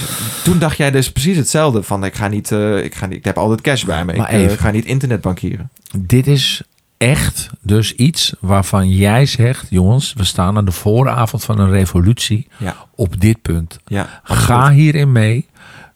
Koop wat je kan. Oh, ik weet niet of daar, eh, of daar dingen in te koop zijn. Of dat je al een, een Nou, soort van... verdiep je er eens in. verdie- Kijk, ga je erin verdiepen? het is wel zo wat belangrijk is. Lees je heel goed in. Ja. Eén. Ik bedoel, ik heb vrienden die hebben gewoon eh, een Beeple kunnen kopen. Wat, nou, wat hij namelijk gedaan heeft, hij heeft, dit is leuk, want dit is ook een beetje teruggeven aan de community. Hij heeft nu gewoon een art piece, is gewoon voor een dollar verkocht. Kon je op in, moest je op ingelood worden. Die werden meteen op de secundaire markt voor 20, 30, 40, 50 dollar, duizend dollar verkocht. Dit zijn dingen die je dus gewoon mist. En, maar wat ik altijd denk bij kunst, is het, je moet dingen kopen waar je iets bij voelt. Ja. Dus, en dat Ja, is dat- mooi. En, ja. en, en, en, en wat ik bijvoorbeeld voor mijn eerste piece ga doen, ik ga een nummer verkopen eh, op de blockchain, dus als NFT. Wat het is een nummer waar ik mee begon ben toen ik 19 was. Heb ik nooit af kunnen maken, elk jaar aan gewerkt. Maar het had geen plek. Het was geen radionummer. Je kon het niet draaien in de clubs. Het was geen hit. Is dat Dus niet het album waar, waar, dat je nooit hebt uitgebracht voor Theo van Gogh? Dat je, Eh, het was, kwam een beetje uit die tijd. Dus, maar, maar ik heb het waarom nummer dus doe je hele... dat niet als eerbetoon? Want het is dit jaar, volgens mij, is het niet 20 jaar geleden? Oh nee, dat nummer is wel uitgekomen uiteindelijk. Eh, de- ik heb, het, Oh, alleen, ik heb het alleen niet nooit gepromoot. Maar nee, daar gaat het niet om. hoor, Want het Nee, nummer, dat album wat die jongen heeft verkocht, waar ik het over had, was ook al uitgekomen. Ja, ja, ja. Maar je kan het dus tokenizen en dan word je dus een soort van gevoelsmatig eigenaar daarvan. Dat is eigenlijk wat het is. ja, ja, ja. Dat Eh, koop je dus. Ja, het staat dus vast op de blockchain dat jij via een token en een smart contract zit eraan vast. Daar staan alle details, zeg maar, wat, eh, ja, wat die token dan inhoudt. Ehm, maar wat ik dus gedaan heb, is dus dat liedje. Dat heb ik, nou, het liedje waar ik het langst aan gewerkt heb in mijn leven. Ik dacht, dit is perfect. Ik ga het aan één iemand verkopen. Die, is, die, die kan het horen. Iets waar ik Mhm. 19 jaar aan gewerkt heb, vanaf mijn 19e. En dat komt met een, eh, een animatie van een keyboard. Dat is een soort van hologram, wat gebaseerd is op mijn allereerste keyboardje wat ik had Die gekocht. Casio? Ja, dat zag jij inderdaad. Zag ik net ja, toen ik binnenkwam. Ja, dus dat zit erbij. Dat is het visuele ik heb aspect. exact dezelfde gehad trouwens. Dus dat heeft voor jou ook een nostalgische waarde. Dus voor jou zou dit een gevoel Ja, zijn. ja. En dat is wat ik bedoel. Je moet een gevoel erbij hebben en dan wordt het meer, vanzelf meer waard. Want Maar dat is, is er dan is. één iemand die straks 40 miljoen dollar betaalt? Of zijn het al die mensen die een stukje hebben? Nou, je, dat kan je dus doen. Je kan dus van één artpiece zou je verschillende tokens kunnen maken. Dan is Ja. het een editie. Dus je zou er gewoon 500 van kunnen maken die je voor 1000 per stuk verkoopt. Dat is commercieel het meest rendabel en interessant. Mhm. Maar ik wilde voor mijn eerste NFT wilde ik het niet. Ik, wil, ik doe sowieso nooit dingen voor het geld. Dat weet jij Nee, inmiddels. weet ik. Ja. ik Dus heb ik- alles geprobeerd. Wat zei je? Je hebt alles geprobeerd. Dan ga je al. nog niet genoeg geboden worden. ik heb nog niet het juiste bedrag gehoord hier. Nee, ehm, nee kijk. eh, dus ik wil... Voor mij gaat het echt om... Het gaat om een legacy voor mij, weet je. Ik wil echt eh, iets, iets, iets, iets toevoegen. Dat is Mm. altijd... Ik wil niet... Waar heel veel opportunity is, zijn ook opportunisten. Wanneer ga je hem droppen? Ja, en dus wat het dus is, als je dus dat ding koopt, eh, ik, al wordt die voor, voor vijf of duizend verkocht, maakt niet zoveel uit. Het gaat erom dat iemand koopt, je koopt dus een experience, want die ka- je krijgt dus die kast, die krijg je erbij. Die hoort bij die NFT. Dit is dus, een NFT is dus eigenlijk gewoon, dat is dit, dat nummer met die animatie. Als cadeautje krijg je van mij dus een kist een hele mooie kist met een kast en handschoenen met die, met die eh, hologramkast erin. Er zit een cartridge bij. Op die cartridge staat jouw NFT. Stop je die, in die, cart die cartridge in die kast, dan boom. Staat jouw Staat artwork die- ineens als hologram in je woonkamer. Het mooie is, dus als je dus ook nog die, eh, die cartridge in je computer steekt, dan kan je een code invoeren. En dan kan er dus echt magic gaan gebe- gebeuren. Want dan kan ik dus in jouw huis, wanneer jij maar wil, kan ik dus art gaan streamen. idee. Als En een heb soort, je elke keer andere art in huis? ja, dus ik, maak, ik ga een soort van kamer bouwen waarin Oh ik dus gewoon een soort van mainframe, een soort van spaceship bouw, waarin ik dus gewoon op Dit verschillende plekken in de wereld kunst bij mensen thuis kan gaan Oh mijn aanpassen. god, maar dit is, het, dit is de nieuwe kunst. Dat hoop ik. Maar nogmaals, misschien ben ik te vroeg, misschien prachtig. steelt iemand mijn idee of ik weet het niet. Maar het gaat erom. Nee, heb je het vastgelegd? Eh, ja, zijn- ik straks- ja. Oh ja, dat Ja, is goed. ja, ja, zeker.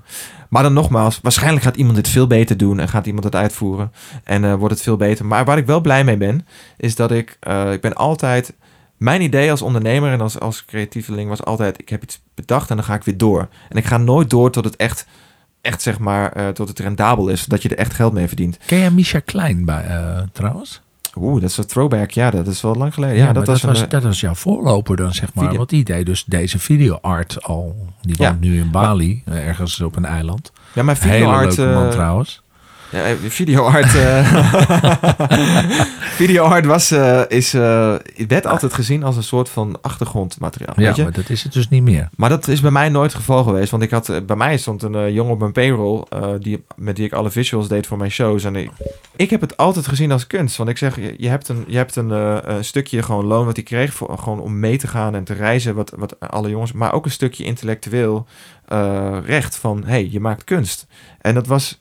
Dat was helemaal niet normaal. Want heel veel mensen zien dat als een beetje achtergrond. Je bent aan het draaien. Dat zijn filmpjes op het internet. Daar kijk ik naar. Daar vermaak ik me mee. Maar het werd nooit gezien als iets waardevols. Maar dat, was ik, dat is bij mij nooit zo geweest. En Dat is Ik denk onderdeel dat- van, je, van je zijn. ja, ja, en wat bij mij dus was, dat ik eigenlijk altijd ook met muziek, ik ben altijd te snel doorgegaan. Heel veel vrienden van mij zeggen altijd, toen kwam er dit. Ik werd op een gegeven moment groot in de gabber. En toen kon ik er geld mee verdienen, ging ik weer door. Toen kwamen er weer eh, allemaal andere stroken. Op een gegeven moment dat je dubstep. Toen was ik daar een van de eerste in Nederland die daarmee kwam. Toen stond iedereen af te kijken. Waarom draait hij eh, robots die aan het vechten zijn? Wat is dit voor muziek? Toen werd dat ineens commercieel rendabel. Toen ben ik eruit gestapt. En eigenlijk met Hexagon, mijn huidige bedrijf... en de muziek die ik nu maak, de, mijn variant van Future House... dat bestond ook nog niet in die vorm. Dat heb ik voor het eerst echt doorgezet. En als ondernemer gezegd van... oké, ik ga nu door... terwijl ik er eigenlijk wel al klaar mee ben. Want dat is ook wat ondernemen is. Mhm. Want jij denkt dat het al... Ja, dat, dit weten mensen nu wel en het is nu wel klaar. Je moet het blijven herhalen. Want mensen weten het niet. Nee. En zeker Maar niet als je de wereld veroveren. Kan je je voorstellen dat als je zeven jaar iets hebt opgebouwd... en dat je dan een pandemie over je heen krijgt? Het is verschrikkelijk. Gewoon je Ik hele bedoel, ik heb het. Dat gebeurt bij mij. Ja, oké, maar het- jij, jij kan nog door, zeg maar, op het net. Maar wij niet. Nee, Dus de horeca kan niet door. nee. Dus ik hoop zo dat we 31 maart open kunnen gaan. En dat mijn droom gewoon niet helemaal uiteenspat. Want ik... eh, Ja, wat wil je zeggen tegen al je collega-ondernemers in die zin? Nou ja, kijk. We, eh, ik, ik heb ze natuurlijk eh, aan de zijkant eh, gehoord dat ze allemaal hun terrassen willen openen en dat ze burgerlijke ongehoorzaamheid willen doen. Weet je, het kan gewoon niet. Het kan niet. Het is gewoon, we moeten gewoon zo snel mogelijk gevaccineerd zijn met z'n allen. Schiet op met die prikken. Wat gebeurt er met die mensen die dus nu gewoon failliet zijn gegaan, niks meer hebben, die dus Ja. gewoon Ja, hier uitkomen zou- uit deze pandemie met een nog grotere crisis? weten. Ik zou het echt niet weten, schat. Ik, ik vind het verschrikkelijk. Ik vind het idee ook heel eng dat het... Ik denk dat het nog steeds niet afgelopen is. Ik zag de cijfers in Brazilië. Ik zie de cijfers in Duitsland. Ja. Het is gewoon beangstigend. We, we moeten gewoon allemaal een prik nemen. Kom op. ja. We kunnen een miljoen prikken per week. Hè? Vanaf 1 juni kunnen we gewoon 1 miljoen prikken zetten. Ja. Ja, ik hoorde nu dat mensen die obesitas hebben nu eh, voorrang hadden, toch? Nou, dan eh, kan ik gelijk gaan. Ik heb al gebeld. ik hoef hem alleen maar klaar te leggen toch voor jou. Dus, nee, ehm, Ik vond dit een hele interessante podcast. ik ook. Ja, ik Ja. denk dat mensen helemaal verbijsterd zijn. Sorry voor het gelach in het begin, maar dat heb ik echt niet zo bedoeld. Nee, nee, nee. Maar, Maar dat, kijk, weet je wat het ook is? Ik- zo, jij weet het dan weer zo droog te vertellen. En die kop van jou erbij. Nou, dan kan, je maar gewoon wegdragen. En dan Ja. komt er iets en ik val bijna in slaap als ik je hoor. waarom nou? Ik vertel toch gewoon dingen die, Ja. mij, die mij interesseren? Ja, maar het is Jongen, jongen, jongen, jongen, jongen. Ehm, Wou je nog wat zeggen tegen ik- onze ik- luisteraars? Ik zit even te denken, want... ehm Want ik zelf ben al helemaal ingedut. Heel ingedut, is het zover? Ehm, Nee, ik vond het super interessant. En ik ga er ook echt wat eh, van over opzoeken. Want dat heb ik, ik heb het geprobeerd aan Patrick uit te leggen, mijn beste vriend. En ik, ik nu het zo helemaal sec heb uitgelegd. nou kijk, weet je... denk ik wel dat we echt aan eh, die verandering bezig Ik had nog nooit van Web3 gehoord. Hè? Oké, Nooit. nee. Ik denk heel veel mensen niet met mij. Nee, maar dit, dit, er is een hele... Kijk, dit is het, als je nu ondernemer bent en je zit thuis en je zit in zak en as... Ga je verdiepen. Ja. Ga, je, ga, Ga, iets- jezelf... ga dit doen als nieuwe impuls in je leven. Precies. Omdat je dan aan kan haken bij iets wat, wa- waardoor je misschien over vijf jaar. School jezelf bij. Ja, School je, ga, je, kijk, ik heb... ga je omscholen. Ja, maar we, dit. absoluut. Maar we zien ook mensen, we zien de excessen. We zien dus van wow, miljoenen hier, miljoenen daar. Maar ik, zie, ik heb dus gewoon vrienden die dus echt in zak en as zaten. En die, die worden er niet rijk van, maar die verkopen gewoon af en toe een NFT voor misschien. Sorry, ja, maar gewoon echt voor een, een, een, een honderdste Ethereum. Dat staat volgens mij rond 1400 dollar. Maar bij wijze van spreken soms ineens voor een half Ethereum. En die verdienen daar nu zo rond de 2500, 3000 euro per maand bij in salaris. Met, en dat, is, dat zijn de ongehoorde verhalen. Dat hoor je niet. Dat zijn er miljoenen over deze planeet. ja. En, maar je moet jezelf bijscholen. Want dat is heel grappig. En, en, en Ben ik het helemaal mee eens. dat is waardoor dit ook mooi eh, zo precies samenviel. Is met de komst van Clubhouse. Want daardoor kon je een Ja. verhaal hangen aan, aan de persoon. Dus je kan... eh, die, die, die, die excessen die in het plaats hebben gevonden... die zijn altijd vooraf gegaan door een, een clubhouse... met allemaal mensen bij elkaar... waarin het verhaal verteld wordt. Van wat zit er achter iets? Ja. Is het niet leuk dat jij een een room opent, eh noem eens een dag. En dat jij mensen vragen gaat beantwoorden. Ja? Naar aanleiding van deze podcast. Zullen we dat doen? Doe je mee dan? Of, eh?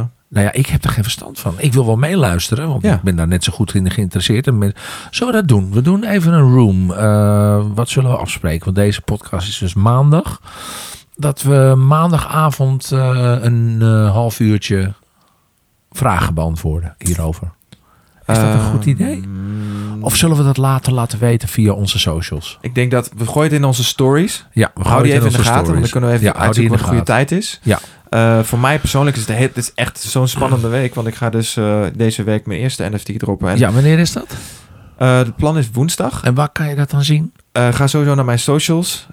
Maar, ik, je hebt, ik heb een profiel en dat is op super rare. Je hebt dus veilinghuizen. Dat heb je dus ook nu. Bizar. Ja, dus- allemaal weer. Je moet het dus ook zo zien dat... Daarom hou ik van je, hè? dat weet je. Is het zo? Ja. Ik vind je zo'n bijzondere man. Echt. Ah, dat vind ik lief dat je dat zegt. Eigenlijk gewoon de man van mijn dromen. Maar ja, Hey. helaas. Ik ben, er komt nog steeds toch in je dromen voor. Ja. Ja, maar Brad Pitt en George Clooney ook. Ik ben een goed gezelschap. ja, mij hoor je niet klagen hoor. Nee, kijk, eh, maar je hebt dus veilinghuizen en dat is het mooie ervan. Die zijn gecurate, hè? En dat is mooi, want bijvoorbeeld Super Rare, dat, en zij hebben eh 4000 aanmeldingen per dag nu, maar ze laten dus nu maar 10 binnen Oh, per jee. week. Dus dat is wel weer een soort van eh, super Een soort. Raya. Zo'n eh, Ja, bijna wel. zo'n zo'n Ja, datingsite waar ik al anderhalf jaar niet word toegelaten. Daar werken we aan. Daar werken we aan. Daar we dankjewel. Raya. Nee, dat komt goed. Maar Drie keer Raya. Drie keer. Het mooie is dus dat, eh, ja, dus dat, dat dat al automatisch een beetje waarde geeft aan wat je doet. Want dat is wel, kijk, ik wil natuurlijk ook niet helemaal met de achterstand beginnen, want ik doe dit al mijn hele leven. Ja. Dus ik wil natuurlijk wel iets beter. Dus je kan naar superrare.co slash Don Diablo. Daar heb ik een profiel. Je moet zelf daar een profiel aan maken. En dan kan Ja. je dus zien wat mensen dus verkopen. Je kan dus een verzameling zelf starten. Dat kan doen. heel klein, hè? Dus Ik eh, kan het gelijk, ga het gelijk doen vanmiddag. Superrare.co co slash slash Don Diablo Don in mijn Diablo. geval. Ja. En En, dan kan dus je ook kijken. zelf je eigen dingen aanvragen eventueel. Ja, maar nee, kijk, je moet wel gewitelist worden om eh, te, dingen te verkopen. Dat zit nu wel. Whitelist klinkt heel racistisch. Ja, zo heet dat, jongen. Daar kan ik niks aan doen. Geblacklisten. Ja, moet je nagaan eigenlijk wat het verschil is tussen whitelisten en blacklisten. Dat zegt eigenlijk al genoeg, hè? Dat kan toch niet? Ja, Maar goed, dat is eigenlijk gewoon racistisch. Donnie, Ja, dus heel eh, erg leuk. spannende week. En, eh, ik wens jou heel veel succes met je dropping. Ik heb er net eentje gedropt hier op je toilet. ah, Echt waar, heb je het gedaan? Ik wist het. Ik rook al iets. dat is mijn dat ik al. Alleen jij mag Voel je, erop. voel je het gebouw omhoog komen? Ik voelde, voelde ik rook het vooral. dat was. God damn. Volgende week maandag is de, man? de laatste van dit seizoen. Ja, En, eh, wat was het leuk, hè? Zo ja, ik heb het ook weer voorbij echt voorbij gezogen. Gevlogen is het echt. Ja, maar het is ook weer, je hebt het nu ook weer drukker, want je bent nu alweer programma's aan het ja, opnemen. ja, ja, dus de timing is heel Morgen weer. Ja, ik kan niet wachten. Wat ga je Vijf morgen tegen vijf. Vijf tegen vijf? Ja, afgelopen vrijdag was de, als dit uitgezonden wordt, de allereerste aflevering. Dus superleuk. Dan is hij al geweest. Ja, ja, ja, Ja. superleuk. Gaan we het zien. Dankjewel, eh, lieve schat. Eh, bedankt voor het luisteren allemaal naar de Gordon Diablo Show. Volgende week de laatste aflevering van dit seizoen. De Gordon Diablo Show! hij moest hoor, hij moest. Wat was het? eh was het top? 41. Ja, tot volgende week. Bye bye.